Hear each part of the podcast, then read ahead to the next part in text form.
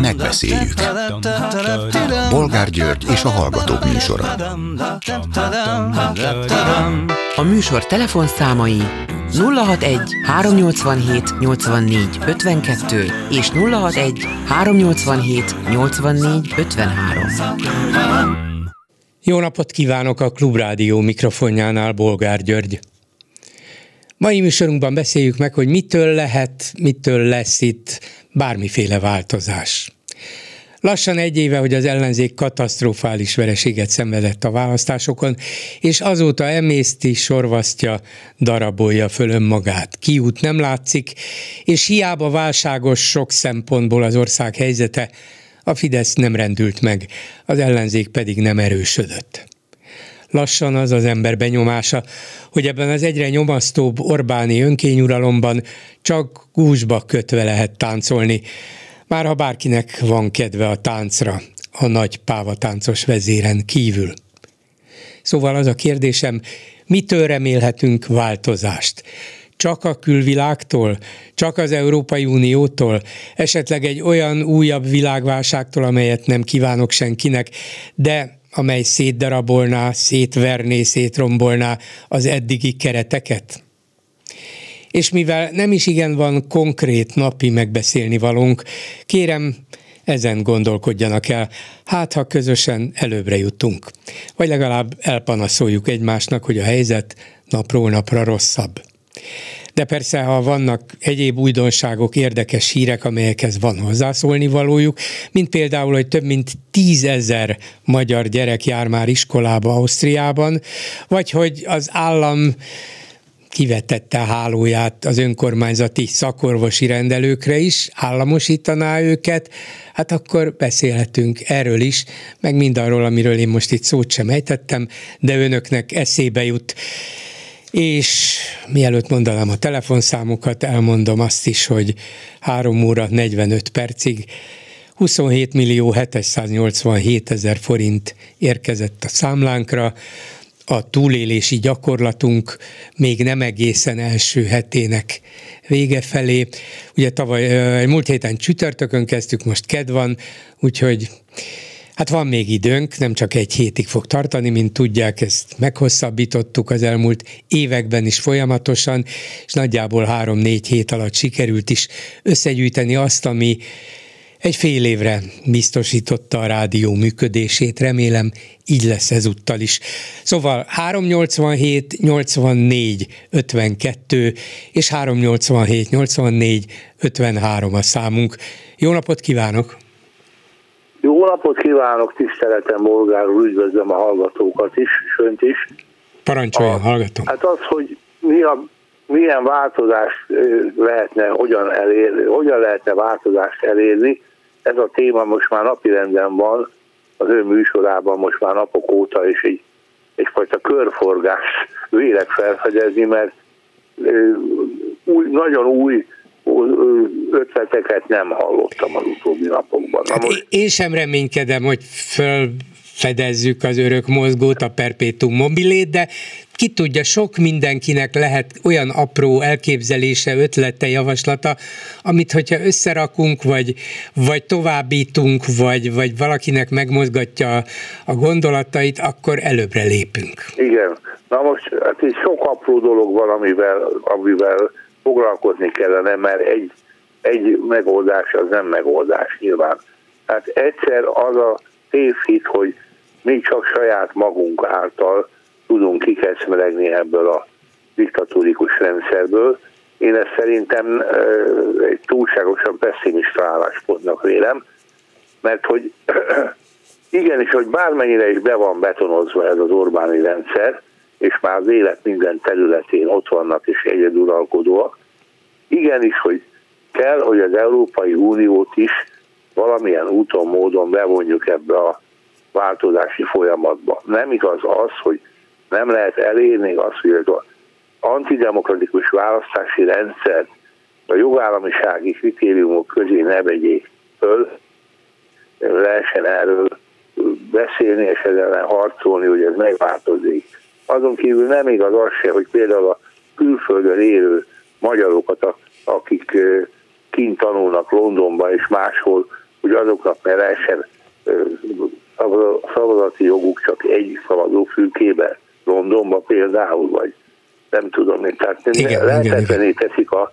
választási, szabad választásokat is, ami szintén abszolút egy jogellenes.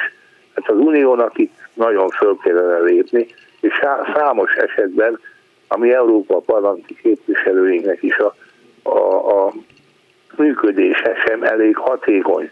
Azon kívül az itthoni képviselők sem tudnak egy, egy szólamba megszólalni, csak több szólamba, és akkor egymás mellett elbeszélnek, és, és semmi nem fog akkor történni. Tehát én, én nekem az a véleményem, hogy az a néhány jó ötlet, ami már elhangzott, és utána elfelejtődött. Ilyen volt például a Haraszti Miklós, akinek már nem először, még az elmúlt választások előtti időszakban is volt ilyen véleménye, hogy igenis a, a kerekasztalt, nemzeti kerekasztalt kellene újból létrehozni, azoknak a támogatásával, akik a 89-90-es kerekasztalban is részt vettek, és azok tapasztalatával együtt, akkor talán lehetne valamit elérni, és ez folyamatosan kellene, hogy működjön, akár éveken keresztül. Hát igen, hetenként összeülhetnének és beszélhetnének konkrétumokról, meg általános irányokról, de hát tegnap vetettem föl ezt Mellár Tamás képviselőnek, aki ezzel a javaslattal egy-két hónapja állt elő, hát persze nem új teljesen, de ő dobta be újból, és azt mondja, hogy nincs, nincs rá pozitív válasz, elutasító sem, de hát nagyjából ignorálják a dolgot, és nem, nem karolták föl, vagyis attól tart, hogy ebből legalábbis a közeljövőben nem lesz semmi. Tehát akkor ez az ellenzék tulajdonképpen nem igazán ellenzék, hogyha nem, ilyesmire nem ugranak és nem próbálkoznak valamivel, Ellenzéknek ellenzék, csak valószínűleg mindenki valamilyen általa alaposnak tartott okból úgy gondolja, hogy ennek most nincs itt az ideje. Ez túl korai, egy év múlva lesznek a választások, kicsit több, mint egy év múlva önkormányzat és európai, addig még bőven van idő, hogy kitalálják, mit csinálják és hogyan, de addig is a DK erősíti saját magát, az LMP egyre inkább zöld pártként akar mutatkozni, hogy hát ha abból összejön neki 5% az MSP a, a munkások pártjának, a szociáldemokraták pártjának, és így tovább, bár még leginkább az MSP az, amelyik, amelyik valamiféle egyeztetésre, párbeszédre, kerekasztalra, Igen. együttműködésre szólítja fel a többieket, de a többiek meg azt mondják, hát persze, hogy azt, mondja, azt mondjátok ti, mert kisebbek vagytok, mint voltatok, úgyhogy most nektek ez kell az a számos nemzetközi példa is azt bizonyítja, hogyha az ellenzék nem képes összefogni, abból egészen biztos totális vereség származik, hát nem véletlenül a lengyel rendszer is bebetonozódott diktatúrikus módon, ugye, mert ott is voltak ellenzéki pártok, akik megnyerették volna a választás a Kaczynszkivel szembe, de hát széthúztak, nem tudtak összefogni. Igen. És, és ez könnyen lehet, hogy így lesz idén ősszel is, bár, bár Kaczynszki pártjának csak 31 a van, nem úgy, mint az Orbánéknak, akiknek 50 körüli, vagy 50-nél is több, tehát ott meg lehetne verni Kaczynszkit, de nem biztos, hogy sikerül az ellenzéknek összefognia. Lengyelországban. Ez, ez, egy, ez egy olyan, olyan emberi gyarlóság, hogy mindenki csak a saját pesenyőjét akarja sütögetni, és nem jön arra rá az alapigazságra, hogy egyedül nem megy, ahogy énekelték ezt Igen. a Kern András és a Garas Dezső is ugye egy nadrágban. Igen. Annak idején, nem tudom melyik filmben. Igen. Lehet, hát hogy, ez lehet, hogy egy, egy, nad, egy jó nagy nadrágot kéne kiállítani egy ilyen Igen. ellenzéki kerekasztal elé szimbólumnak, hogy tessék belemenni abba az egy nadrágba, mert ezt sokan értik, hogy lehet, hogy kényelmetlen, lehet, hogy csúnya, lehet, hogy nem, nem ezt, ezt kell majd használni, de átmenetileg ez nem kényszer zubbon, csak egy közös nadrág, amiben a mostani Fidesz által meghatározott feltételek alapján után legalább lehet járni. Különben nem tudtok járni, mindannyian hasra estek. Igen, hát ez, ezek, ezek nem valami rettenetesen bölcs és meg lehetetlen megvalós, lehetetlen és meg, megvalósíthatatlan dolgok, csak le kellene küzdeni az önzést, a, a, a, a hatalomvágyat és stb., hanem tisztán csak egy cél lebegjen mindenki előtt, hogy ezt a rendszert le kell váltani. És hogyha már ez az egy cél megvan, aztán benne van még egy jó néhány olyan, amiben pártok egyetértenének, hogy lépjünk be az Európai Ügyészségbe, ami csak egy dolog megint természetesen. És akkor harcoljunk a szabad választásokért. Néhány olyan alap, alapvető követelésünk lehetne, ami nyilvánvalóan a jogállamiságnak a biztosítékaként kellene, hogy működjenek, és ezért tűzzel, vassal kellene harcolni, mert igazunk van. Ugye? És akkor ha ezt nem lehet persze az unió nélkül szerintem ezt végrehajtani. Ezért kellene... Nem, nem, nem Igaza van, persze, de az Unió úgy látszik, hogy elkezdte végre tenni a dolgát, amit megtehet, hogy ebben a magyar ellenzéki európai parlamenti képviselők tudnának-e többet segíteni, vagy megvan-e hozzá az erejük? Hát biztos mindig lehet többet, csak az az érzésem, hogy hát ők annyit, annyit tehetnek, amekkora a súlyuk, és ugye nem sokan vannak. Négy DK-s van, két Momentumos van, egy MSZP-s, vagy volt MSZP-s ráadásul, és egy jobbikos, kevés. Hát kevés, magában véve egészen biztos, de hát el kellene indítani ezt a folyamatot, és, igen.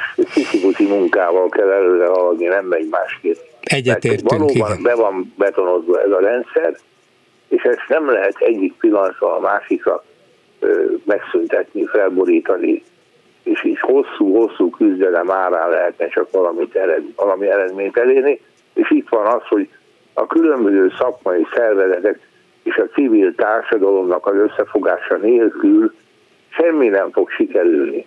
Se a DK-nak, se a Momentumnak, se egyiknek, se másiknak, mert még az is kevés, hogy összefognak a pártok, és egy közös jelöltet állítsanak ki, hogyha a civil mozgalmakat nem vonják be a, a társadalmi egyeztetésbe.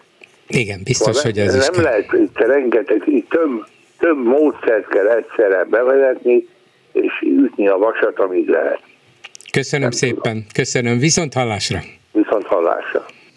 Háló, jó napot kívánok!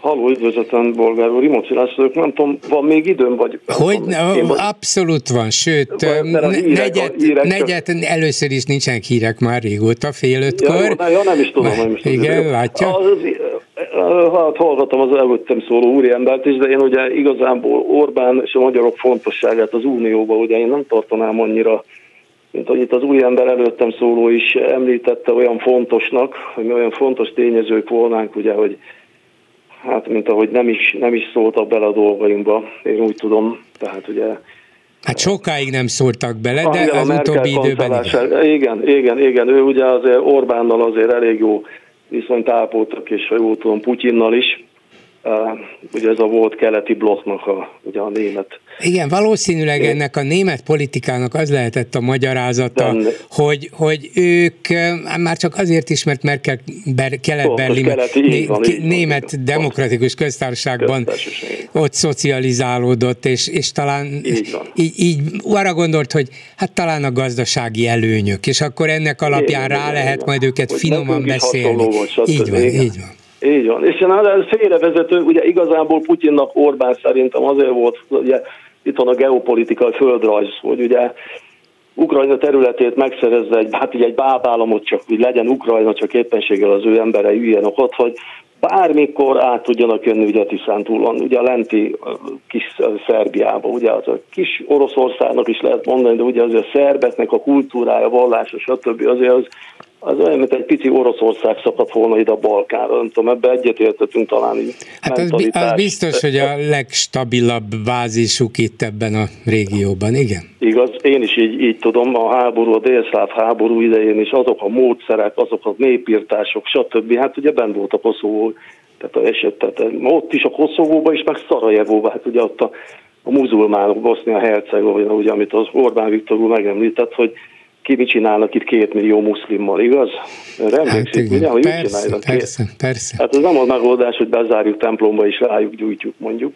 Na, szóval ez, ez, ez megy most szerintem Ukrajnába is, és csak azért mondom ezt a dolgot, hogy nagyon egyszerűen eh, ki fogja léptetni ezt az országot az Európai Unióból és a NATO-ból is szerintem, mert ezek a lépések eh, amiket most hoztak és húzták, húzava halasztották is, hogy hát mit beszélnek Magyarországról, vagy minden utolsó szó igaz, amit írnak, de hogy, hogy ez, a, ez a látszatvita, ugye nem tudom, szóljon közben, hogyha rosszat mondok, nem pontos a, a dolog, de szerintem ez a haló, nem Igen. tudom, vagyok. Hát akkor szólok közben, nem pontosak mond. Látszat dolog megy, és, és ugye én attól tartok, hát tartok, mert sejtem régóta, hogy hogy ez meg fog történni, mivel most is azt hiszem rendeleti kormányzás van, ugye és a háborús helyzet, amit meg fogják hosszabbítani, tehát ebbe igazából minden elképzelhető, minden forgatókönyv. Igen, hogy egy, egy friss olvasmány Igen. élményemmel alátámasztanám, amit mond, a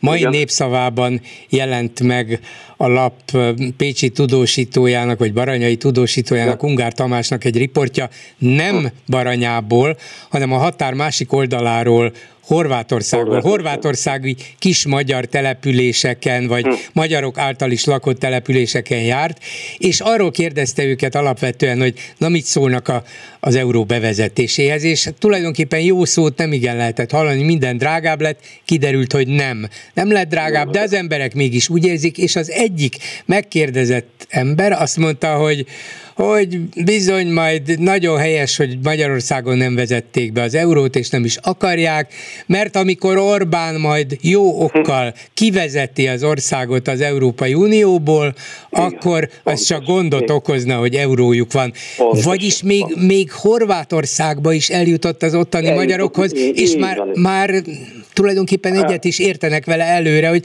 ki fogja vinni az országot. Én is, én is pont ugyanezt, a, én nem olvastam ezt a cikket, de ugyanezt, mert nézze, ha valaki, ugyanúgy, mint ahogy Szlovákia is, ugye tudja, nem tudom, 2007-től azt hiszem a válság idején léptek be. Na mindegy, ők ugye európai nemzet, a két világháború között is azért sokkal demokratikusabb volt, mint Magyarország, ugye talán ezt nem kell mondani se.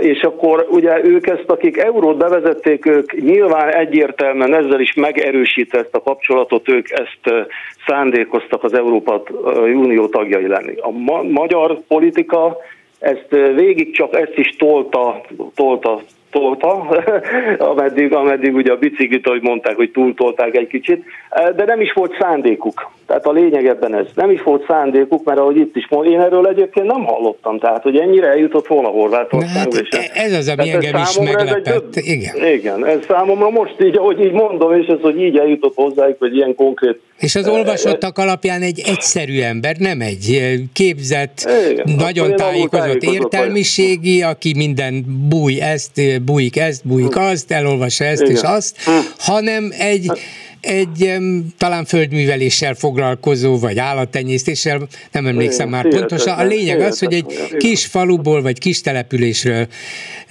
számolt be arról, arról hmm. hogy hogy fogadták az eurót. Szóval, ha már ott is ez az emberek fejébe eljutott, és, és gondolkoznak rajta, és még odáig is eljutnak, hogy há, okos ez az Orbán, mert nem vezeti be az eurót, hiszen ki akarja vinni az Unióból az országot, hát akkor azt hiszem, hogy ez, ez na, nagyon gyorsan hát terjed. Hát igen, na de nézze, igen, ez lehet, hogy gyorsan, de azért gondolj erre, és nem akarom föltetni más, csak hogy az Európai Unió, tehát a pénznemnek is az erősség, az egységbe van az ereje, tehát ők nagyon jól tudják, a horvátok is végig is arra szavaztak, ha jól tudom, hát, hogy arra, hogy euró legyen, a szlovákok is egyértelműen, a balti államok is tudták abból a szempontból, hogy előnyük lesz ebből. Még azt hiszem a szlováki pénzügyminiszter is mondta annak idején, kérdezték, hogy észszerű volt a válságidő, tudja a 2008-as pénzügyi válság, ugye Amerikából indult ki egy ilyen hitelezői válság, ha jól tudom, ugye? Igen, hát persze. És akkor és azt mondták, hogy persze, mert ez később viszont megtérül nekik, mert egy stabilitást ad, egy kiegészített,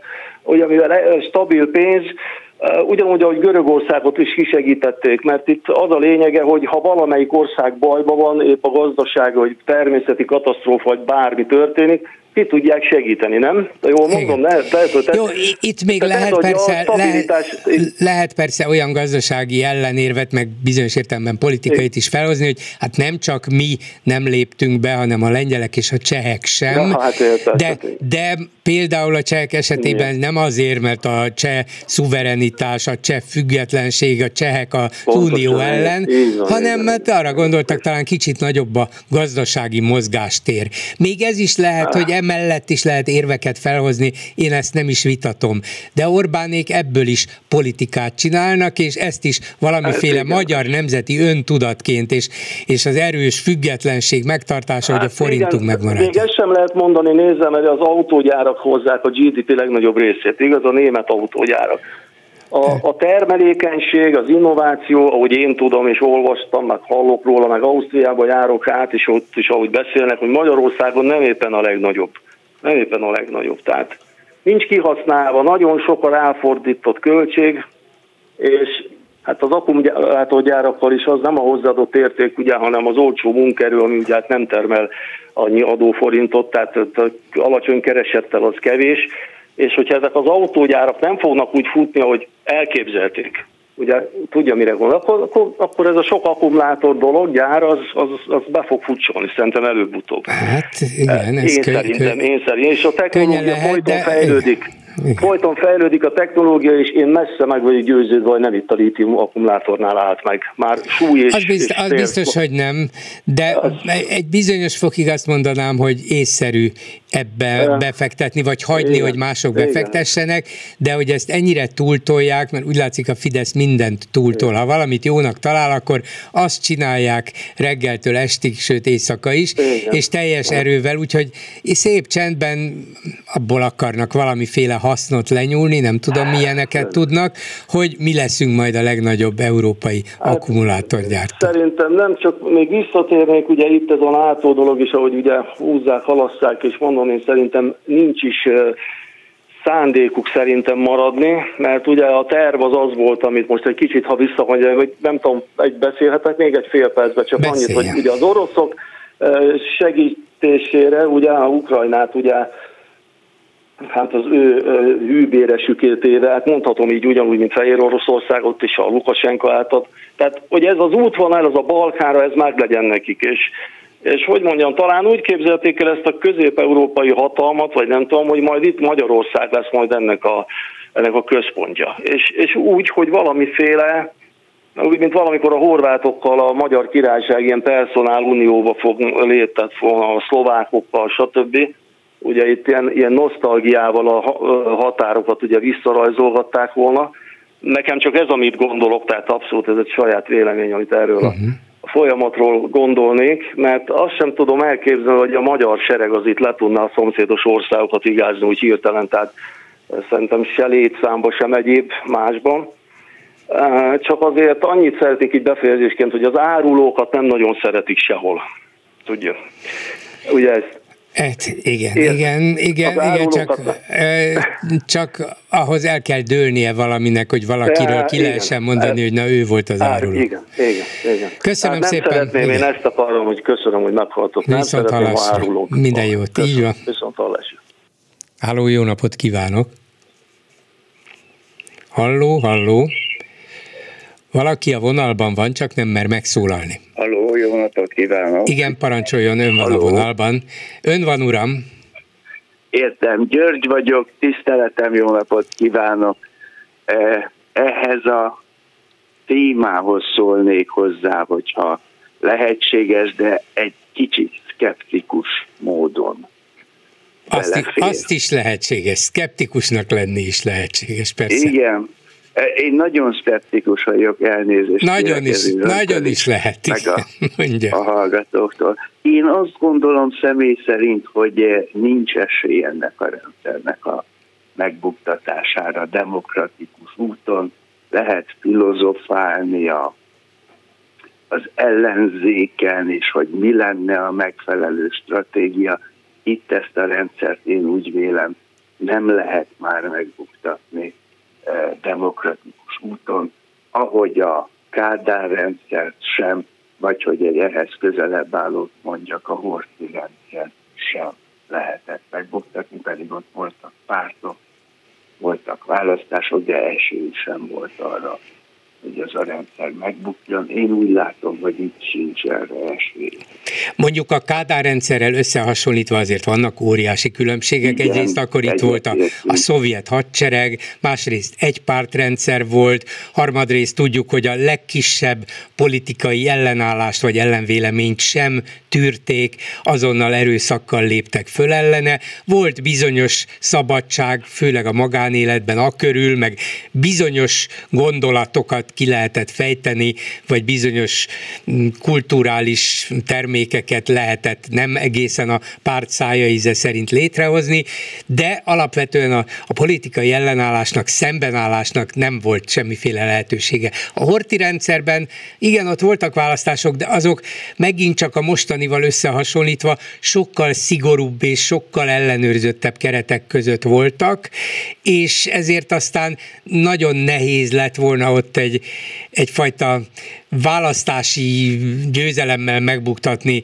a hortiféle kormánypártot, vagy alakuló kormánypártokat, mert, mert olyan volt az egész szisztéma. Lehet azt mondani, hogy Orbán is gyakorlatilag ilyet épít ki, de azért még nem olyan, mint a horti rendszer alatt volt, és volt a horti rendszernek még egy bizonyos értelemben stabilizáló és mozgósító ereje, hogy revansot akart. Vagyis a trianoni békeszerződés után azt mondja, ez elfogadhatatlan, mi arra tesszük föl a politikánkat, hogy ezt legalább részben eltöröljük, megváltoztassuk, ezért, ezért kötöttek szövetséget olaszokkal, németekkel, és lett a vége ugye a két bécsi szerződés alapján területek visszaszerzése. Ilyen ma Magyarországon még ha halvány utalások vannak is erre, nincsen. Szóval ez a fajta hátszele az Orbán rendszernek nincs meg, az a választási rendszer még nincs meg, hát még a Kádár rendszeré, de ennek ellenére, miközben a különbségeket megpróbáltam összeszedni, én is hajlok arra, hogy szinte lehetetlen őket megbuktatni.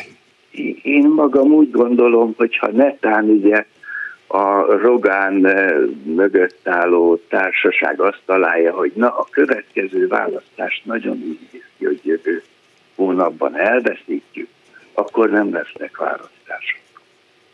Tehát akkor rendkívüli állapotra, ilyen-olyan helyzetre hivatkozva a választásokat hát bizonytalan időre elnapolják. Uh-huh. Tehát én, én nem számítanék arra, hogy Magyarországon ebben a rendszerben, választásokon a, a rezsim az meg 2021 őszén nagyon kezdtek félni attól, hogy esetleg megbukhatnak, és akkor elkezdték a különböző anyagi támogatásokat a, a választóknak, a, a nyugdíjasoknak, akkor, akkor kitalálták azt, hogy a családosoknak visszaadják a személyi jövedelem adót egy bizonyos nagyon magas határig, sok százezer forintig, akkor a minimálbér felemelése, 25 évek alattiak adójának elengedése, szóval rengeteg dolgot adtak, ami egy nagyon békés és azt kell mondani barátságos meggyőzése volt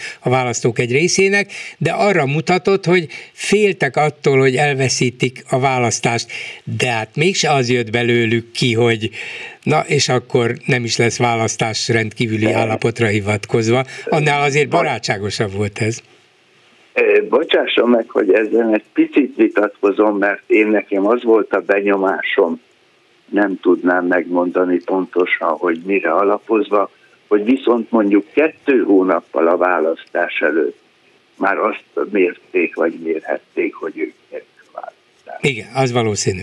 Ez valószínű. És, és igen, még akkor is rámentek egy, egy a... Választás, és akkor is rámentek erre a háborús propagandára teljes erővel, hogy ezek háborúba viszik az országot, de Orbán Viktor megvéd titeket. Igen, tehát, hogy ugye egy választást el lehet napolni, ha kell, akkor egy mhm. hónappal uh-huh. korábban. É, ebben igaza van. Tehát, hogy, hogy az ön ellenérvei részben ülnek, de nem teljesen annak kapcsán, hogyha szükséges, ha azt látják, hogy na jó jövő hónapban lesznek a választások és buknánk, akkor nem lesznek választások. Hát, tudja mit? Nem, nem tudok ellent mondani önnek, mert sajnos már én is el tudom képzelni, hiszen annyiféle rendkívüli szükség állapot, veszélyhelyzeti állapot, akármi van, hogy bármire hivatkozva el tudnák rendelni azt, hogy na, akkor mégse lesznek választások, mert. És senki nem tud, legfőjebb dühöngenénk, legfőjebb tüntetnénk, bár lehet, hogy bizonyos ponton már az se lehet majd, éppen a veszélyhelyzetre hivatkozva. Lehet, hogy az Európai Unió azt mondja, na hát ezt azért nem, de csinálni senki nem tudna semmit. I- igen, én, én ezt, ezt így, így látom.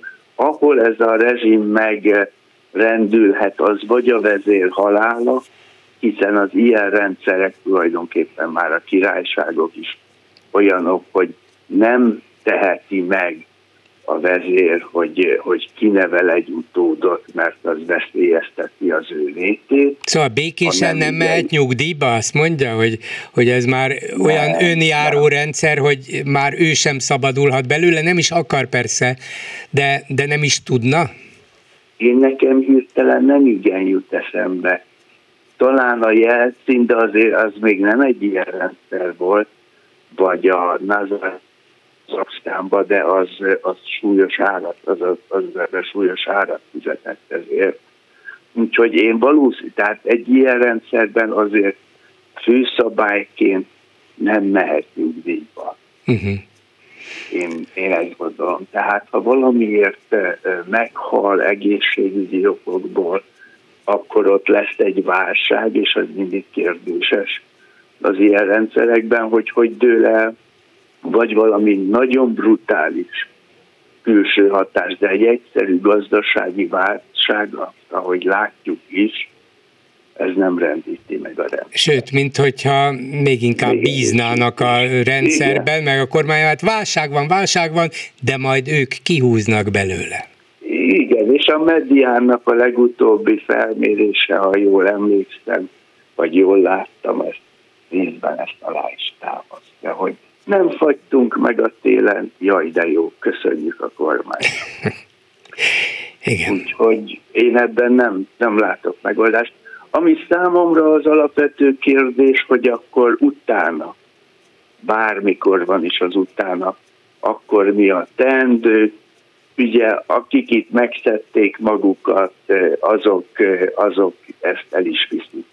Tehát azt látni kell, hogy azt ők kiviszik, ott nincs mit tenni. Egy valamit lehetne szerintem tenni, hogy nyilvánosságra hozni a NER oszlopai, miniszterek, oligarchák, államtitkárok, ügyészségi vezetők, alkotmánybírák és így tovább. Milyen szép és oszlopcsarnok lenne belőle, mi? Egy ilyen a, a NER oszlopai, de úgy, hogy száz év múlva is ott legyen, tehát hogy az unokák és a dédunokáknak is lehessen látni, hogy ki volt déd nagypapa Magyarországon.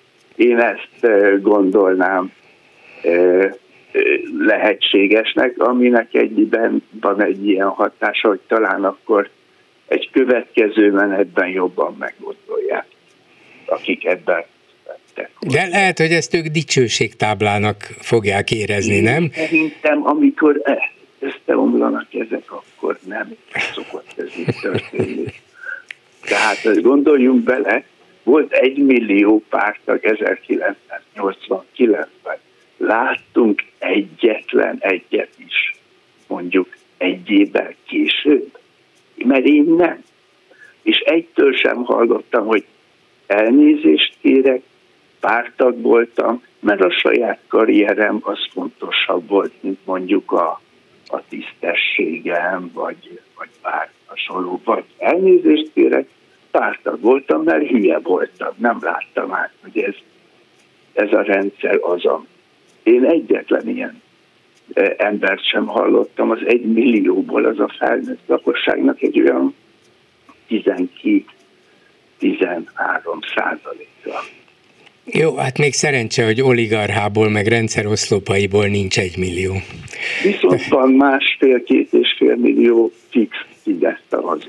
Az biztos. Ők is el fognak tűnni félreértés ne esik. Tehát pillanatok alatt a rendszer összeomlik, fél év múlva ebből nem lesz százezer sem, én azt gondolom. Köszönöm Viszont szépen. Mi megfizetjük az ő döntésük árát. Ó, fizetünk persze. Köszönöm szépen. Viszont hallásra. Minden jó.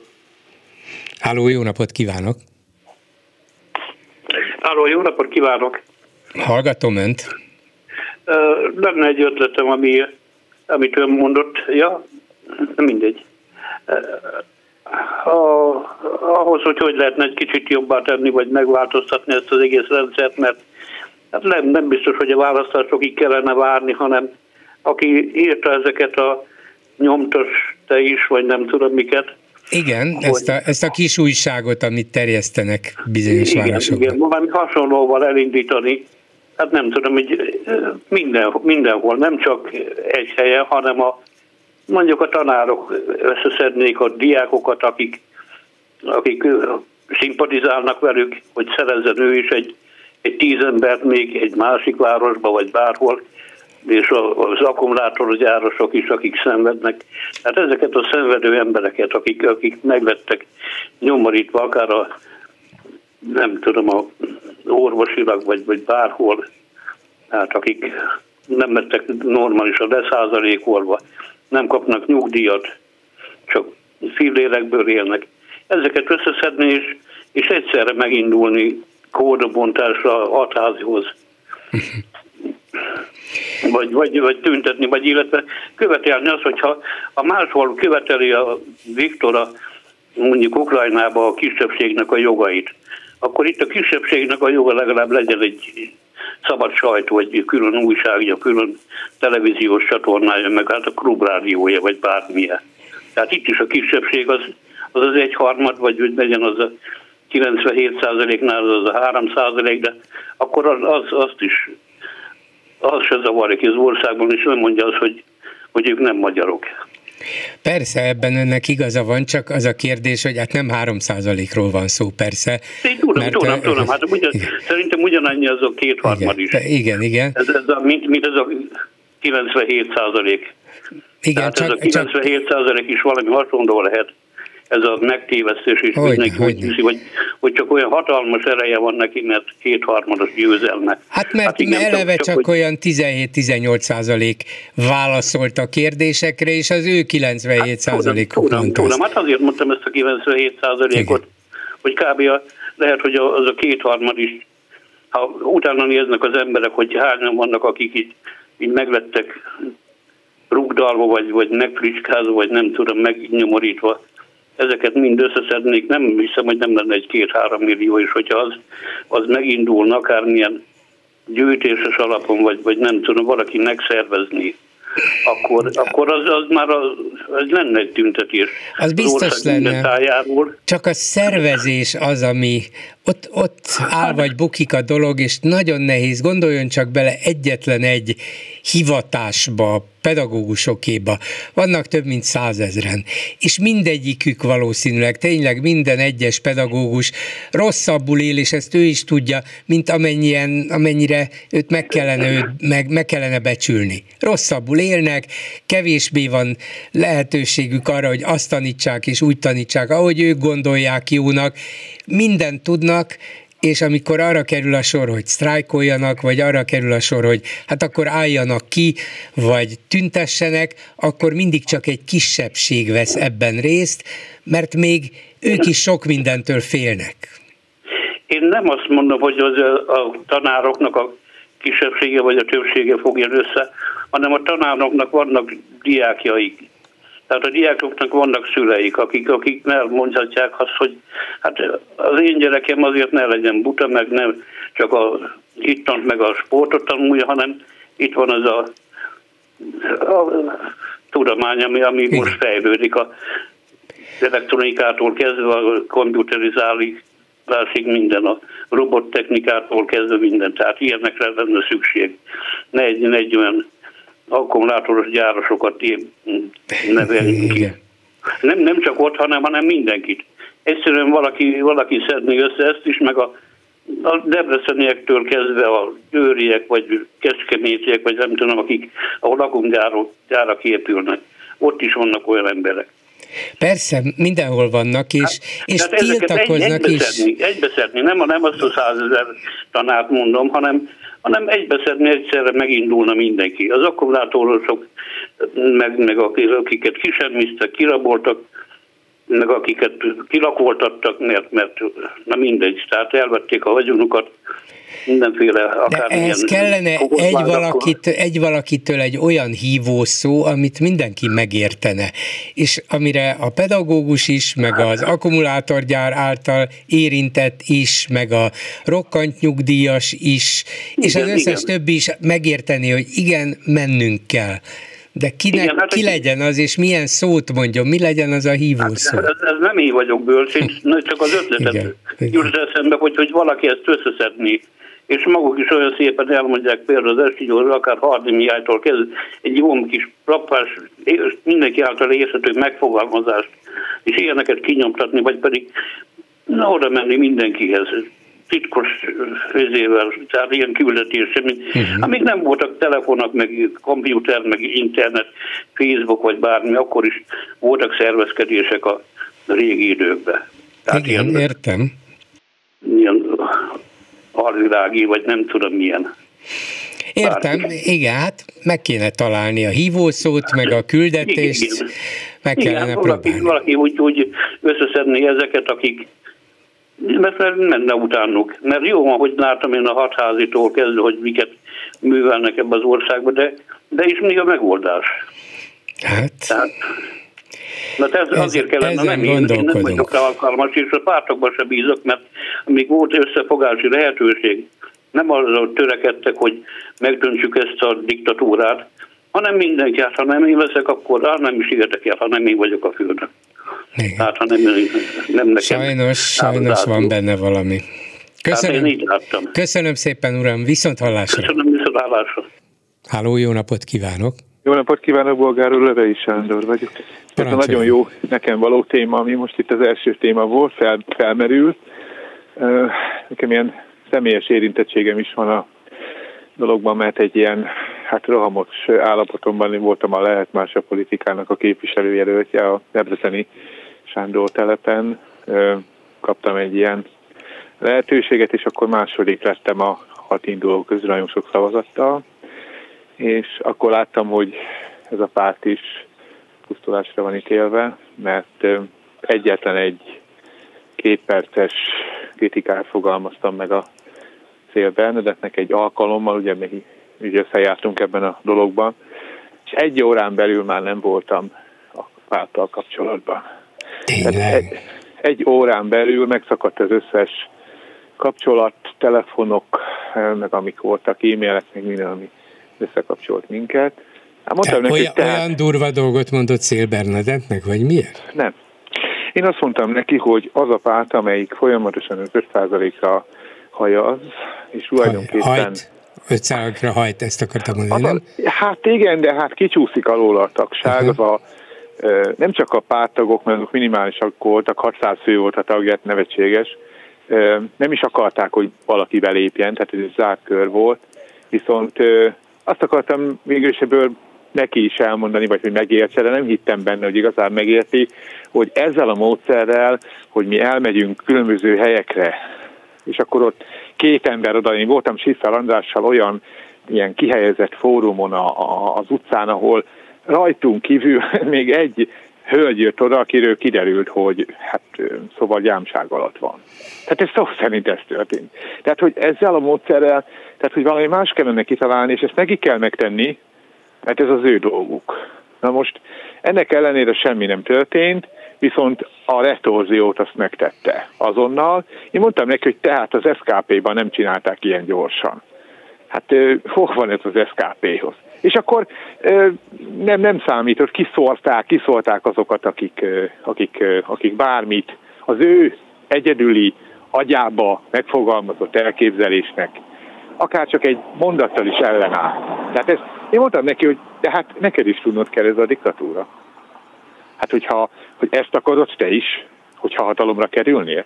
Végül megírtam neki levélbe, Isten ments, hogy te hatalomra kerüljél. Oda esnénk vissza, ahol voltunk, Cseberből, Lederbe, ugye a népi mondás mondja. Szóval, hogy tehát És ugye, és sokan, nagyon sokan csalódtak benne, ugye mert például gyakorlatilag arról van szó, hogy napi 12 órában ingyenes aktivistákat alkalmaznak a pártok például, és semmiféle javadalmazást nem kapnak, még a személyes elismerés vagy a humánus kezelési módot sem. És egyre kevesebben vannak, akik hajlandóak ilyen körülmények között vállalni. Uh-huh. Nekem volt ha, olyan... Ha, el, ha van, van mondani valója, még úgy érzem, hogy igen. van, akkor elmondanánk a híreket, és visszakapcsoljuk önt, jó? Jó, jó várom, bolgár úr, köszönöm jó, szépen. Köszönöm. Megbeszéljük. Bolgár György és a Hallgatók műsora. A műsor telefonszámai 061 387 84 52 és 061 387 84 53. Hát akkor újból itt van, ugye? Igen, igen, itt vagyok. Hát közben itt az emlékeimben futattam, hogy csak ezeket a motivumokat, példákat, hogy ugye a Debreceni elnökkel beszélgettünk, ugye ő kérte ezt a beszélgetést, mert mondta, hogy nagyon sok panaszkodni valója van. Ez akkor volt akkoriban, mert érteni.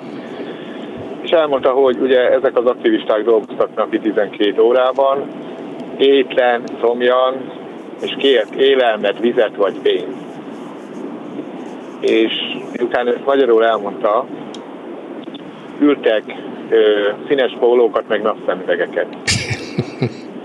Na most ő ezt eh. egyébként, igen, de ő ezt akkor nagyon hát radikális módon becsomagolta és személyesen visszavitte, és mondta, hogy nem ezt kérte. Na most utána, utána ő egy ilyen felszólalunk ráta lett, akkoriban, tehát nekem akkor ezt jelezték is, hogy vele már nem kell számolni, mert ő bűnös lett.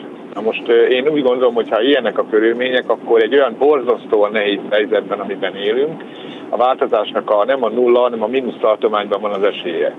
Tehát, hogyha nem a, a széthúzásnak is egy profi megoldásait látom, és ugye az a furcsa, hogy Bartus László ugye az amerikai népszavában már legalább 6-7 éve tűpontosan leírja ugyanezt, amikor még szinte be se következtek ezek a borzasztó helyzetek, amiben jelenleg élünk az ellenzékkel kapcsolatban. És már ott volt, csak el kellett volna olvasni, hogy ez az ellenzék arra való, hogy a kormány segítse, minél professzionálisabban segítse az örökkévaló kormányon maradásra. És ugye de ebből az következne, hogy ön azt mondja, hogy mindenkit lényegében a Fidesz irányít. Tehát nem lehet, hogy arról van szó, hogy annyi módon vannak megkötve, annyi forrástól, Igen, lehetőségtől vannak megfosztva, hogy egyszerűen az egyik rossz döntés helyett legfőjebb egy kevésbé rossz jön, igazán jót nem tudnak lépni. A döbbenetes ebben az, hogyha az összes ellenzéki személyt, aki jelenleg valamilyen módon az első vonalban dolgozik, összeragasztanánk, és abból lenne egy kormány, akkor az másnap szétszakadna, és egymást ütlegelve, vitatkozva mindenki miniszterelnök akarna lenni. Szó szerint ez történne, és körülbelül a kormányzás első két évét vinné el. És az emberek jó része ezt fölismerte, nem akarja, hogy ezzel még jobban romoljanak az esélyei az életben maradásra személyesen, és ezért inkább nem foglalkozik ezzel a társasággal jelentős mértékben. Hát itt olyan adatok vannak a választásokon, hogy 1-2-3 százalékon áll. Hát most az LNP például 2,8 százalékon áll. Ezt még fel lehetett tuningolni az utolsó napokban 4,3-ra. De hát, e, és akkor, hogyha elérné az ötöt, amit én szélben is mondtam, hogyha mindig elérjük azt az ötöt, akkor mi van? Akkor az van, hogy néhány embernek viszonylag magas kereseti lehetőséget biztosítunk és egzisztenciát, de nem történik más. És Bartus László pontosan ugyanezt írja le, hogy ennek a néhány embernek egyébként 200 millió forintba kerül egy képviselő évente Magyarország adófizető polgárainak. 200 millió forint nem kevés pénz. Tehát ö, ö, ugyanis arról van szó, hogy 200 millió forintért egy munkavállaló a munkáltatót 943-szor állítja fejre, és 873-szor rúgja szájba. Itt meg nem történik semmi. Igen. Tehát a felelősség nulla. A beszámolási lehetőség, vagy a kényszer arra, hogy be kelljen számolni nulla. Tehát gyakorlatilag, ugye nem akarom mondani, hogy melyik jár be fésülködni a parlamentbe, egész nap fésülködik babafésűvel, ugye? És akkor megkérdezném tőle, hogy mondja már, hogy azon a héten mit csinált, hát nem akarnám zavarba hozni. Jó, hát értem ezek szerint, ezek szerint az ön megoldása az, hogy vagy legalábbis elméleti megoldása, hogy nem nagyon van megoldás ebben a mai helyzetben. Nincs kiút, és a pártok is bűnösek ebben, meg a politikusok is. Nem tudom, nem tudom, hogy így van-e, biztos, hogy sok igazság van ebben, de ha eleve lemondunk a cselekvés lehetőségéről, az biztos, hogy még inkább elbizonytalanítja az embereket, elfordítja őket a közélettől, a politikától, adott esetben a szavazástól is. Na mindegy, gondolkozzunk rajta tovább. Köszönöm szépen viszont hallásra, és itt a vonalban László Imre, orvos, a 11. kerület DK-s polgármestere. Jó napot kívánok! Jó napot kívánok, és köszöntöm a rádió hallgatóit is. Azért is mondtam, hogy orvos, bár ezt a hallgatóink többnyire tudják, mert éppen egy orvosi, egészségügyi témáról kérdezem. Tudnilik, a népszava írta meg azt, amit önök már nyilván jobban tudnak ennél, csak a közönség számára nem biztos, hogy ennyire ismert volt, hogy az állam kivetette a hálóját a szakorvosi rendelőkre is, és a hétvégéig kell nyilatkozniuk az önkormányzatoknak, hogy hajlandók-e átadni, vagy át akarják-e adni a szakrendelőjüket, már amennyiben van ilyenük, az államnak, de ez, szerint még úgy tűnik, hogy van választási lehetőségük. A kormány nem úgy ismerem, hogy nagyon nagy lehetőséget ad a döntésre, hogy hát lehet igennel is, nemmel is válaszolni. Ha egyszer államosítani akar, akkor előbb-utóbb fog is. A 11. kerület válaszolt már? Nem, nem, nem, semmiképpen se. Ugye, bolgár úr, azt jut erről az egészről eszembe, hogy a klasszikus fölállás, ugye a kormány azt mondja, hogy ez van, és közben azt gondolja egyébként, hogy te azt mondasz, amit akarsz, én meg azt csinálok, amit én akarok. Az a helyzet, hogy konkrétan válaszoljak a kérdésre, hogy csütörtökön képviselőtestületi ülésünk lesz, ahová határozati javaslatként visszük be ezt a témát, egyszer, mint tiltakozva az ellen, az állami tervezett lépés ellen, ami a kerületeket, jelen esetben Újbudát megfosztaná attól a szakrendelőtől, amire, és ez tényszerű, amire az utóbbi három évben nem kevesebb, mint 2 milliárd forintot fordítottunk. Ez valahol mélyen-mélyen tisztességtelen történet. Hát igen, és az ember arra is gondol, hogy hát ez óriási összeg, miért, miért akarná a kormány a nyakába venni, nézzük akkor teljesen ártatlan bárányként ezt az egészet, miért akarná a kormány a nyakába venni ezeket a szakrendelőket, amelyeket az önkormányzatok saját forrásból igyekeznek életben tartani, fejleszteni, jobban működtetni, hát még egy nyűg a kormánynak, mire jó ez? Természetesen nem arra, mert csak ebből a 2 milliárd forintból hadd mondjam, hogy évente 180 millió forintot arra fordítunk a szakrendelőbe dolgozóknak bizonyos támogatási formát megtalálva, hogy csökkentsük az elvándorlást, a fluktuációt. Hogy miért jó a kormánynak, egyébként abszolút jogos kérdés, a kormánynak azért jó, mert már ő kinyilvánította eléggé meggondolatlanul, hogy végeredményben ez egy átcsoportosítási lehetőség a létszámokat, a humán erőforrást illetően a szakrendelő és a kórház között.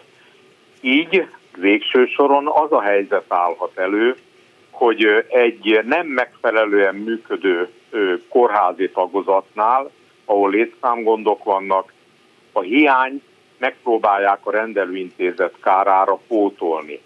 Ugye mindenképpen föl kell tennünk azt a kérdést, amikor ezt a kérdéskört vizsgáljuk, hogy hogyan is van ez a történet. Tessék nekem megmondani, mennyivel lett jobb, magasabb színvonalú az oktatás, mióta az állami kézbe került. Tessék megmondani nekem azt, mennyivel lett stabilabb, kiszámíthatóbb, magasabb színvonalú a kórházi ellátás, amióta a fekvőbeteg ellátást 2013-ban állami kézbe vették.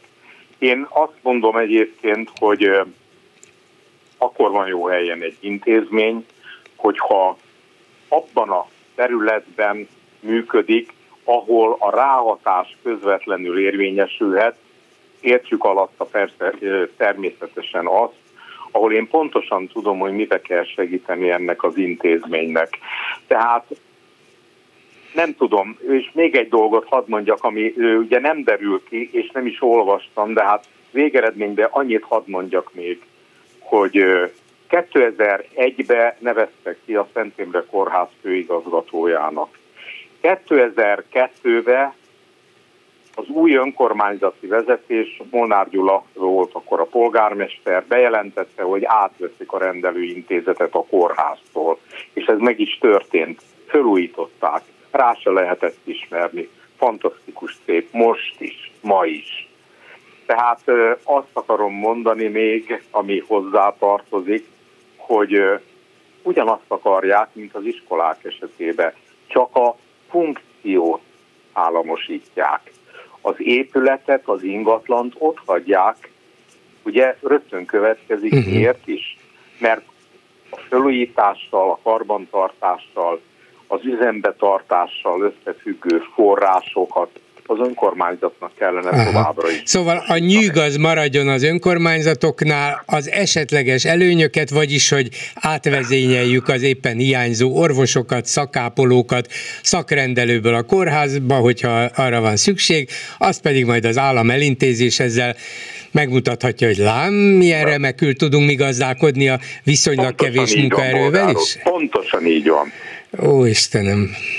Ez, ez a lényeg a történetnek, és hadd tegyem hozzá, hogy ugye értelemszerűen ez minden bizonyal már tiltakozás része azokra az önkormányzatokra fog korlátozódni, amik ellenzéki vezetés alatt állnak. Uh-huh. Uh, jó katona módjára egyébként a fideszes önkormányzatok összeiktik a bokájukat, és azt mondják, persze, no, hát természetes, hát ezt a főnök elrendelte, akkor ennek így kell lennie.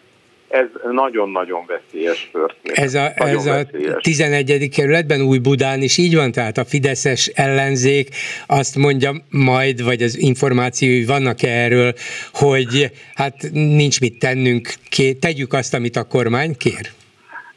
Minden bizonyal egyébként ezért hadd legyek annyira őszinte, hogy nagyon kíváncsi vagyok arra, hogy milyen gombot fognak nyomni a kormánypárti képviselők csütörtökön. Nagyon kíváncsi vagyok rá. De természetesen egyébként hadd tegyem hozzá, hogy amikor 2019-ben átvettük a önkormányzatba a vezetést, akkor több mint ezer ultrahang vizsgálatra váró volt a szakrendelőbe, nem törték össze magukat, hogy megoldják, hosszú hónapokos előjegyzéssel dolgoztak, ami azért kellemetlen, mert akinek nagyon komoly problémája van, az ennyi idő után sajnálatos módon akár katasztrofális kimenetelé is nézhet, mondjuk hölgyeknél egy petefészek rák esetében. Mi azzal kezdtük, hogy vásároltunk szolgáltatást, útrahang vizsgálatot, hogy lecsökkentsük ezt a irgalmatlanul hosszú várakozási időt. És ezt megtettük kétszer vagy háromszor azóta is. Tehát a gazda az körülbelül így néz ki. Nem különlegesség, amit mondok bolgárul, és a hallgatóktól is elnézést kérek, nem dicsekedni akarok. Ez a kötelesség kategóriájába tartozik ha én valóban egy kerületről gondoskodnom kell, az a feladatom, akkor ez annak szerves részét kell, hogy képezze.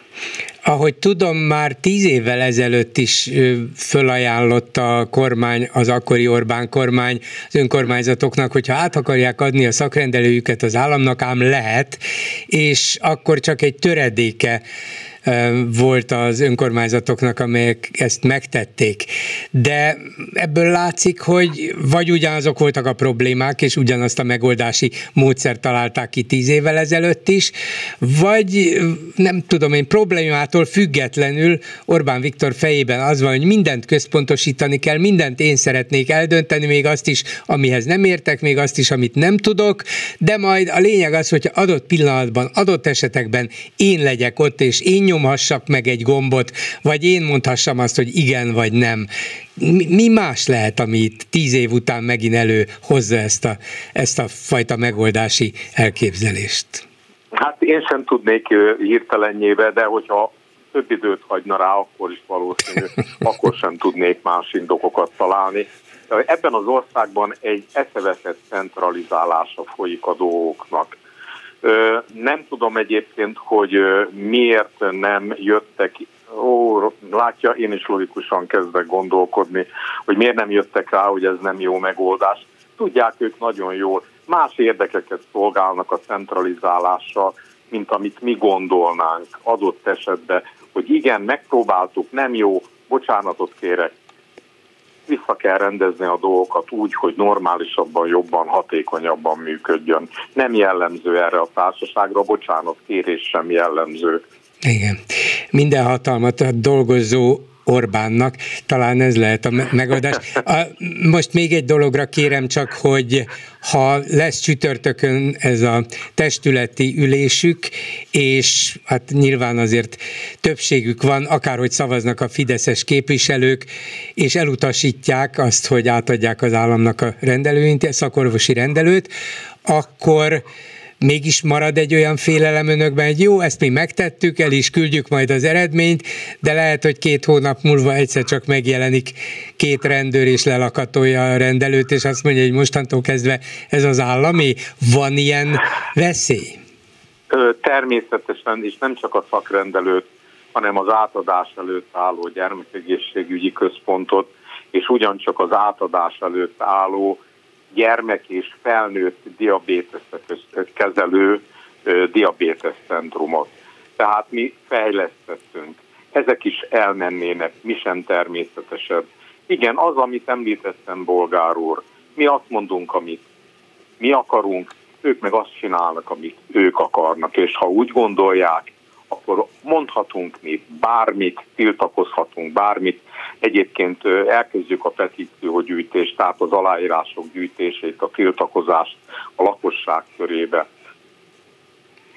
Hogy, hogy hát ha is ez, ez a nyomásgyakorlás része lehet, hát ha az emberek véleményét olyan, hát persze sokszor megkerülték, és sokszor nem figyeltek rá, de adott esetben lehet, hogy mégiscsak figyelembe veszik, gondolják, hogy nem biztos, hogy jót tesz az, hogyha nagyon sokan vannak ellene, ugye? Hát ha. Így van, ez a kötelességünk egyébként, pontosan az emberek érdekébe, nem a hatalmi tényezők döntenek ebben. Köszönöm szépen László Imrének, Új Buda DK-s polgármesterének. Jó Viszont hallásra önnek is. Én is köszönöm. Káló, jó napot kívánok! Jó napot kívánok, bolgár úr, Veltner János vagyok. Parancsoljon, doktor úr! Szintén szakrendelnék. A szerencsére László Imre doktor a lényegből szinte mindent elmondott. Nekem két hozzátenni valóm lenne. Az egyik, hogy kicsit visszaemlékszem arra az időszakra, még a hajdan volt Kádár rendszer idején, amikor az integráció több megyében eljutott arra a szintre, hogy a háziorvostól kezdve a szakrendelőn át minden a kórházhoz volt integrálva. Tehát volt egy ilyen megyei szintű integrációs folyamat, és ennek mindig a legkisebbek látták kárát, ami az éves költségvetést intézte, illeti, akkor tehát járta a mondás, hogyha a háziorvosnak a vérnyomás mérőjén tönkrement a manzsetta, akkor nem biztos, hogy megkapta rá a pénzt, mert szükség volt a kórházfűtés javításához minden fillére. Ez elég viccesnek, vagy tragikusnak hangzik ahhoz, hogy, vagy abszurdnak hangzik, hogy igaz legyen, de alapvetően mégis igaz kellett, hogy legyen, nem? Hát akkor ez konkrétan így konkrétan volt. is így volt. De, de a helyzet körülbelül ez volt, hogy háziorvosi szinten nagyon ki voltak szolgáltatva a megyei egyszem kórház akaratának, és itt nem valami szakmai integrációról volt szó, illetve nem az volt az igazi probléma, hanem a, a pénzügyi költségvetési integráció. Uh-huh. Most ez a mostani dolog, ez, ez inkább engem a szakmai oldalról zavar, illetve aggaszt, hát mert, és itt jön be a második történet, Másik történet az, hogy ezzel a húzással a szakrendelői dolgozókat is, aki még esetleg nincsen ebben a, az egészségügyi szolgálati jogviszonyban, be lehet vonni az egészségügyi szolgálati jogviszonyba, és akkor tulajdonképpen az egész állami egészségügy egy ilyen jogviszonyba kerül, és gyakorlatilag szabadon lehet az embereket mindenféle pozíciókra áttenni, kitenni, betenni, megvenni. Már a kamara se fogja védeni a dolgozókat, se szakmailag, se egyébként.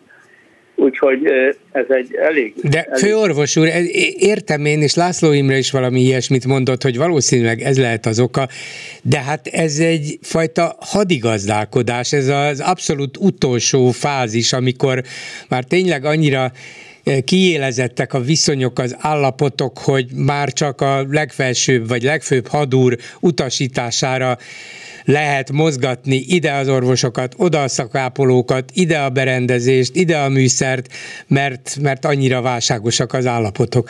Vagy valami ilyen gondolatrendszerben működtetik az egészségügyet. Ez, ez a magyarázat? Én azt gondolom, hogy ez Napóleon óta már nem így van. Tehát a Napóleon ott állt a domtetőn, és ő irányította az összes kis seregrészletet is, de a modern háborúkban, a modern, modern rendszerekben azért a szakaszparancsnoknak igen nagy döntési önállósága és hatékonysága van, és éppen ezért kisebb seregtestek is nagyon hatékonyan tudnak működni, anélkül, hogy mindenféle központi utasításokra várnának.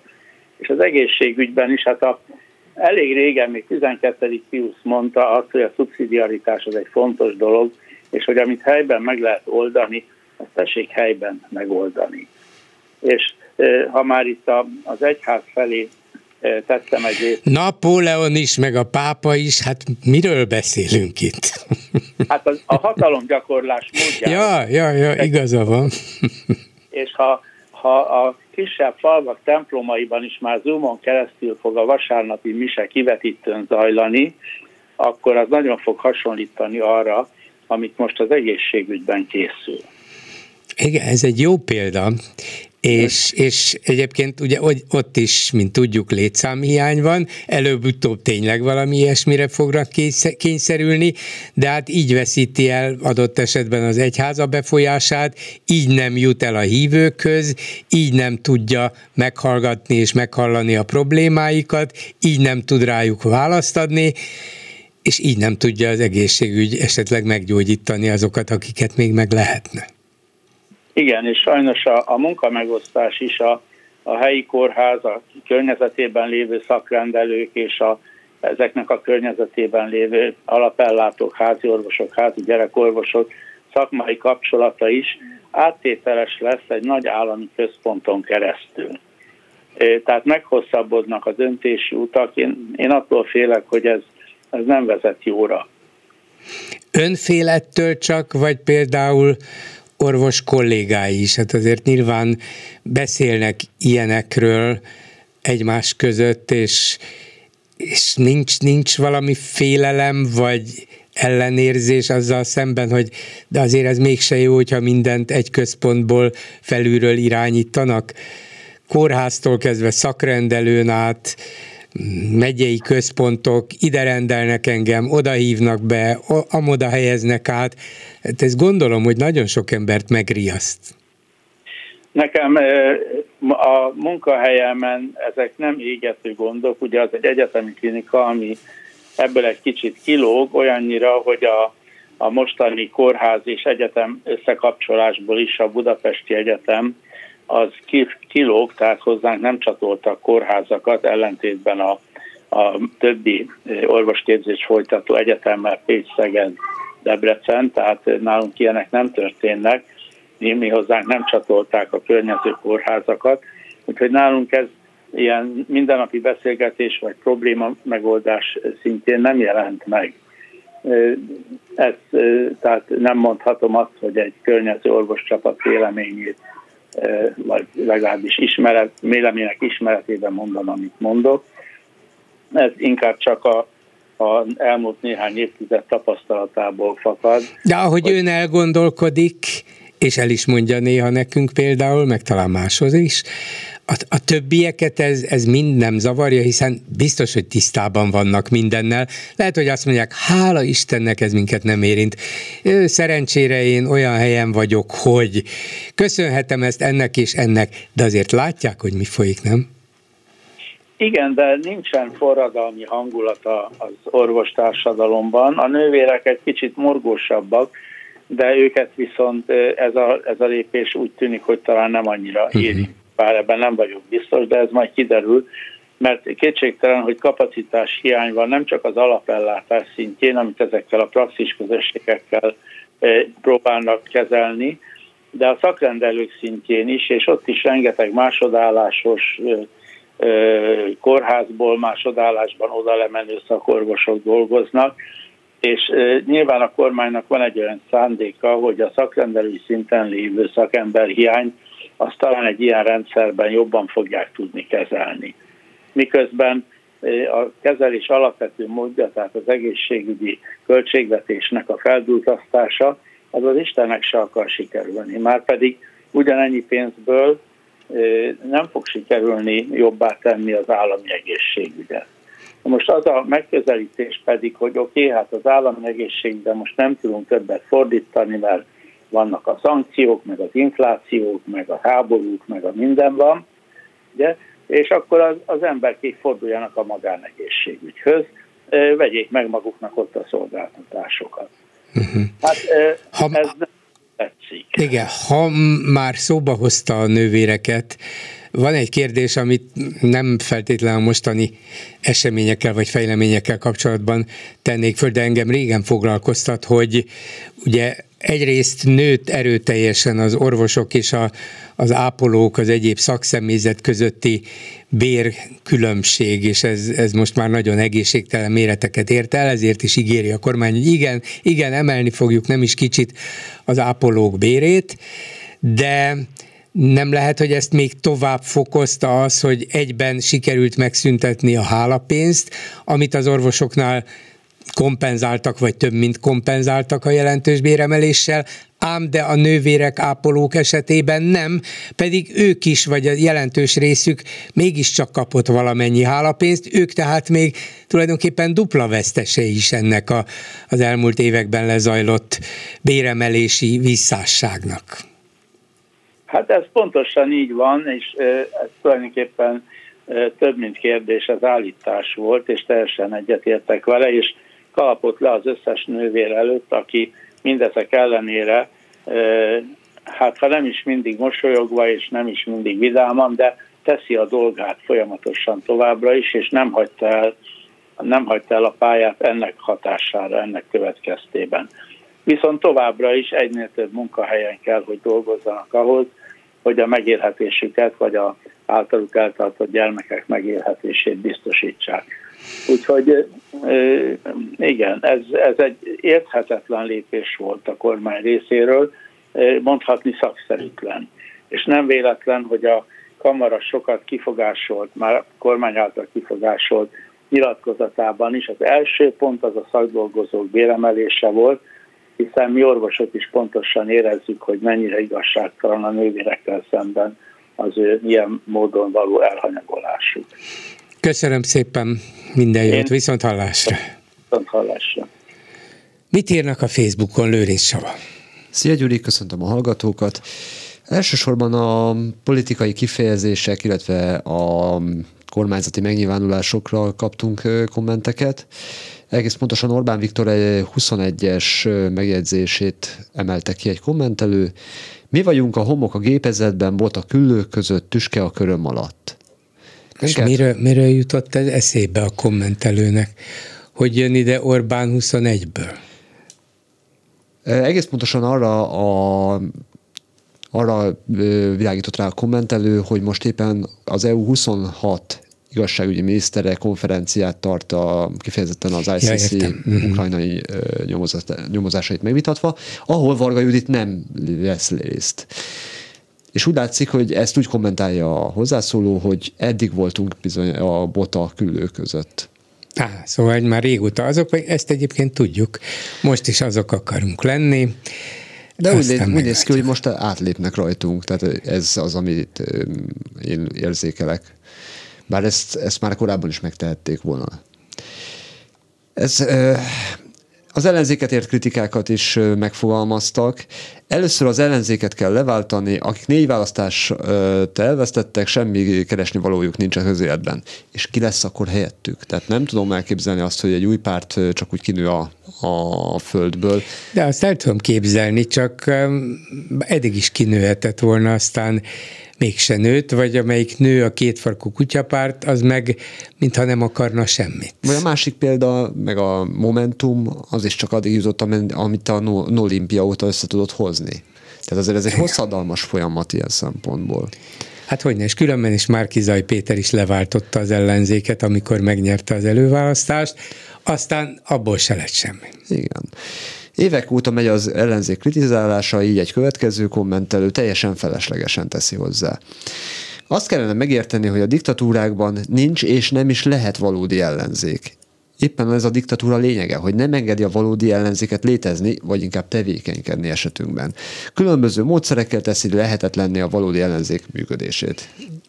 Elvileg így van, de azért például várjuk meg némi reménységgel a májusi törökországi választásokat. Az azért érdekes lesz. Nagyon sok minden most Erdogán ellen hat.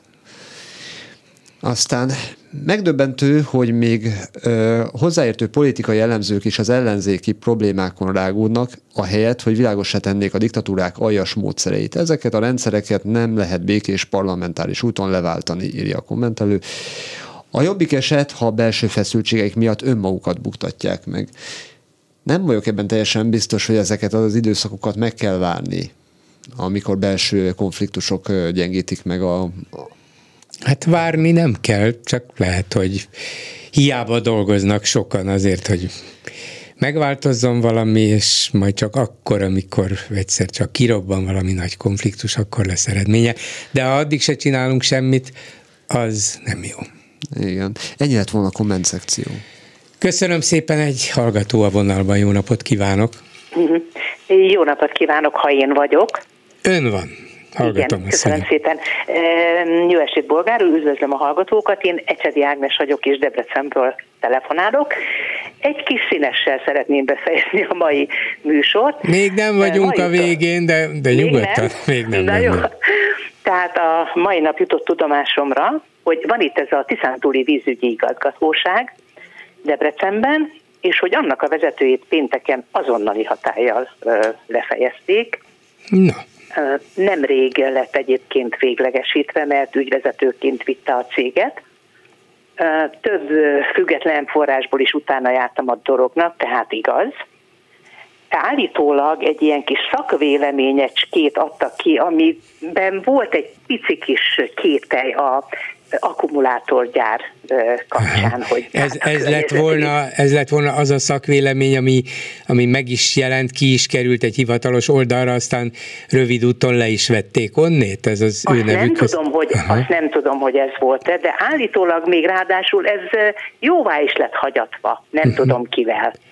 Volt egy ilyen néhány héttel Igen, ezelőtt, tudom. hogy ilyen és ilyen mértékű lesz a vízfogyasztása, ami jóval több volt annál, mint amit a hivatalos közmeghallgatásokon egyéb helyeken mondtak, és ezután gyorsan el, eltüntették ezt a szakvéleményt, de lehet, hogy ezek szerint ehhez az emberhez, Lehet, vagy az intézetéhez fűződött. Aha. Igen, erről nincs információm. Állítólag a nagyszerű polgármesterünkről rohant a minisztériumba, és ott követelte, hogy váltsák le, mert hogy ez a drága ember veszélyezteti az akkumulátorgyár megvalósulását. Ez egy aránylag fiatal ember, olyan szerintem 50 körül lehet, de aki végigjárta a ranglitrát, kis súlyában van a vízügyi szakma, több, a megyében több helyen volt szakaszmérnök, tehát egy nagyszerű, állítólag sírás van, ezt hallottam bent a cégnél, mert, mert hogy ilyen jó főnökük régen volt. Uh-huh. És, és, és szóval egyszerűen hány ingere van az embernek, hogy hol van itt a határ. Tehát kik hát, ezek az emberek? Hát, hát köztörvényes bűnözők vezetik az országot. És, és ez nap mint nap előfordul, hogy leváltom, mert nem tetszik, elveszem a cégét, mert tetszik. Szóval én nem tudom, tényleg hány inger. Igen. Hát ha valóban ez van mögötte, amit itt most feltételezünk, nem tudjuk, akkor az szörnyű, mert, mert ezzel lényegében eleve lehetetlen. gáz van. Hát ég beismerik egyrészt, hogy gáz van, másrészt mindenkit figyelmeztetnek előre, hogyha megmered pendíteni ezt, előmersz állni azzal, hogy itt lehetnek problémák, nehézségek, stb., akkor te is így jársz. Igen, igen. Igen, még ma, ma egy másik infóm is volt, hogy volt ez a két botrányos közmeghallgatás itt Debrecenben, és én ezt nem tudtam, de állítólag ott felszólalt, és hát ugye a, a bérelt Fidesznyikek ott nekiestek, és mondta, hogy de könyörgöm, én nem politikus vagyok, szakemberként mondom, amit mondok, és ott elég, elég erélyesen szólalt föl. Na most gondolom, hogy itt összeadódott ez a két dolog, uh-huh de ezt a, ezt a guztustalan, ja, és még, még hát ugye nincs vége, mert kirúgni nem rúgták ki, mert ugye a szaktudására szükség van. Több embernek felajánlották, hogy vállalja el addig az ügyvezetést, amíg ki nem írják a pályázatot, és nem lesz új vezető, senki nem vállalta el. Ezt, ezt nagyon becsülöm, ismerem a társaságot, tehát nagyon jó fejemberek dolgoznak ott és állítólag a helyettesét megfenyegették, hogy vagy, vagy elvállalja, vagy őt is kirúgják és még, még ott van a, a, a volt ö, igazgató, még nem találták ki, hogy mit csinálnak vele, vagy hogy kezelik, de leváltották, tehát ez száz százalék. Hát érdekes új fejlemény, közben ugye elutasították az LMP-nek az országos népszavazási kezdeményezését akkumulátorgyár ügyben. Lát, látszik, hogy ez nagyon érzékenyen érinti a kormányt. Hát hogy? Hát hogy ne. Nagyon erre Ez Nagyon friss egyébként, pénteken történt, és még nem szivárgott ki. Én egy nagyon érdekes helyről hallottam, meg sem merem említeni, hogy honnan, de mondom, több független helyről utána néztem, és igaz a hír. Uh-huh. Ráadásul a családot is ismerem, tehát családtaktól is hallottam, hogy valóban Aha. igaz a dolog. Nem verték nagy dobra nyilván, de, de annyira fölháborodtam, hogy, hogy ezt muszáj volt megosztanom. Jól tettem. Kik ezek az emberek? Szóval, na. Hát egy önkényuralom ilyen-olyan részesei, közreműködői, és az önkény a lényeg, és a központi uralom mindenben. Így van, meg a lé. A, ja, igen, az, az persze. A legfontosabb. Az. Igen. Köszönöm szépen, viszont hallásra. Én is köszönöm, viszont hallásra. Háló, jó napot kívánok! Jó napot kívánok, Opasi Csánzsar, Szent Miklósról. Parancsoljon! Bolgár úr, én nem a fölvezetőben elhangzott témákhoz szeretnék hozzászólni, hanem önnek javasolnék egy témát. Mondja. Tegnap a Dunaföldvári postán föladtam csekken a önöknek a támogatást. Meg még mellette egy jó pár csekk volt, összesen 70 valahány ezer forintot fizettem, és hogy a postás hölgy lapozta a csekkeket, elkérte a személyigazolványomat. Én megkérdeztem, hogy Miért? Hát egyeztetés. Jó, rendben van. Odaadtam, visszaadta a pénzt, csekkeket, mindent, és kérdeztem, hogy melyik csekk volt az, ami, amelyik adategyeztetést kért.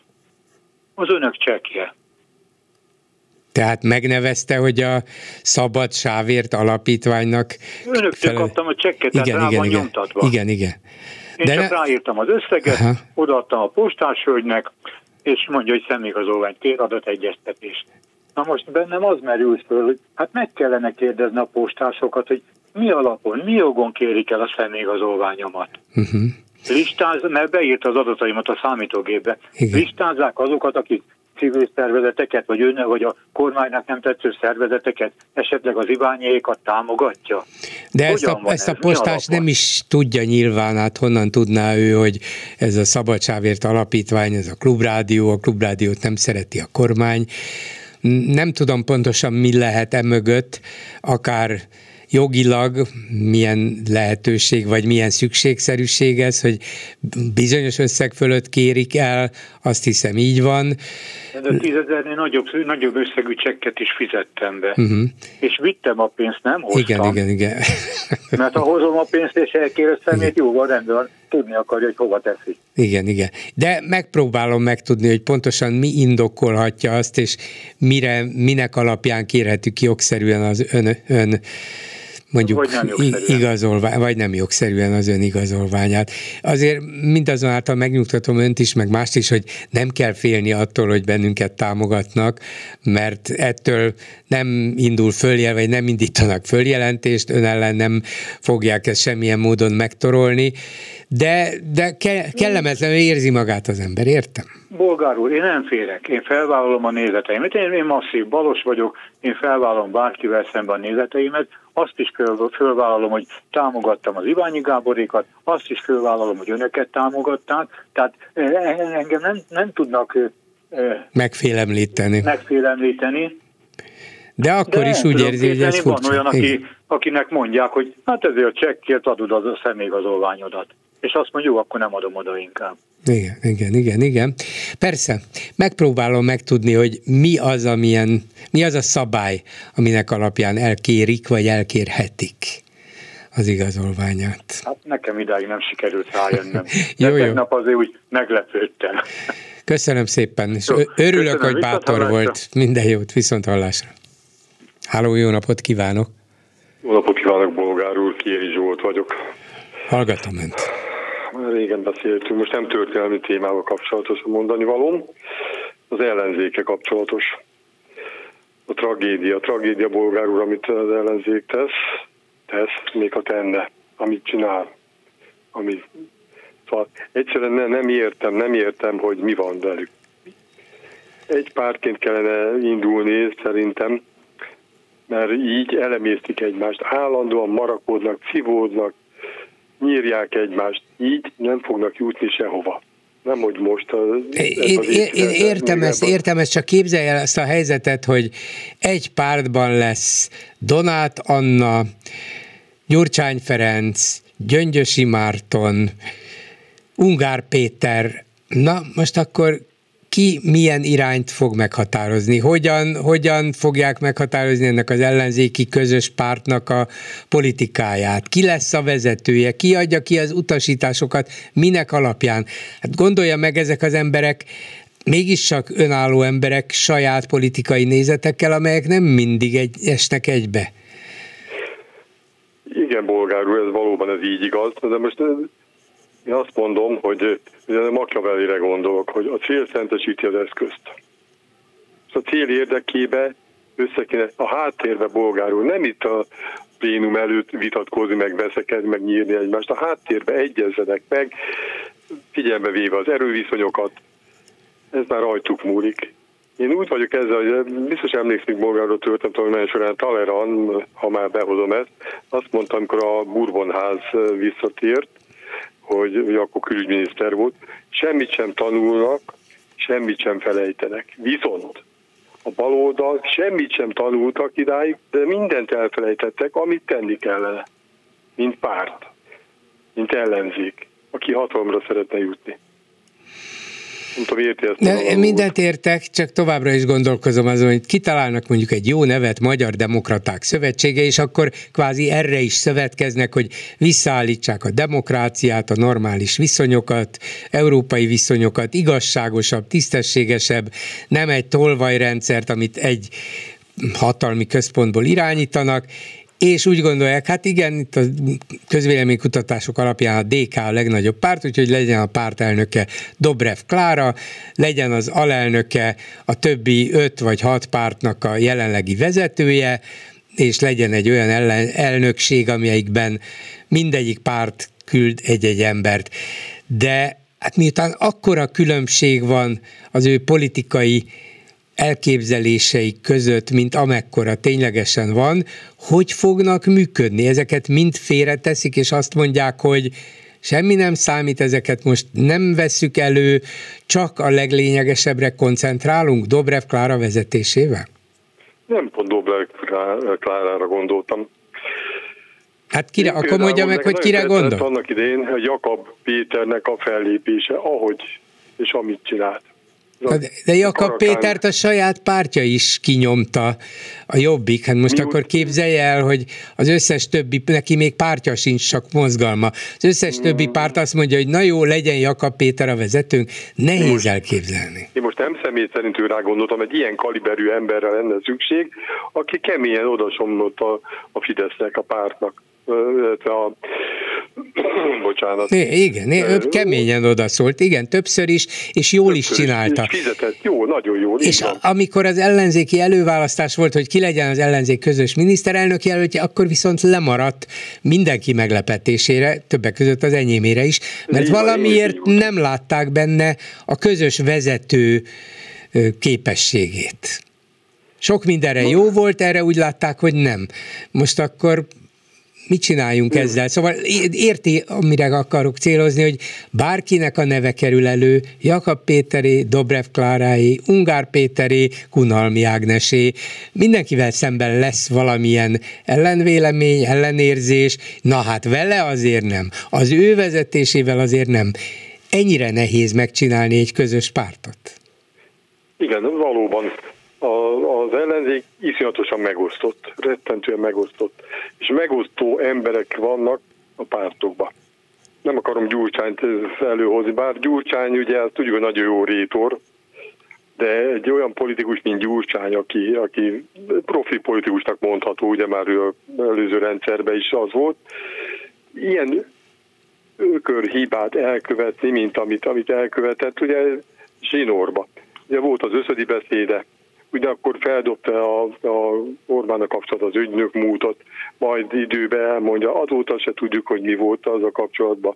Akkor most ez a ö, képviselőnőnek a kézlefogása, szóval ilyet, egyszer nem értem, hogy hogy lehet ilyen szarvasibákat elkövetni. Jó, ezek, ez egy, egy ember, Gyurcsány, de az összes, egyrészt Gyurcsány megkerülhetetlen. Me, megkerülhetetlen, csak azt akarom mondani, hogy van Gyurcsány, van Dobrev, van Ungár, van Donát, van Jakab Péter, van és a többi.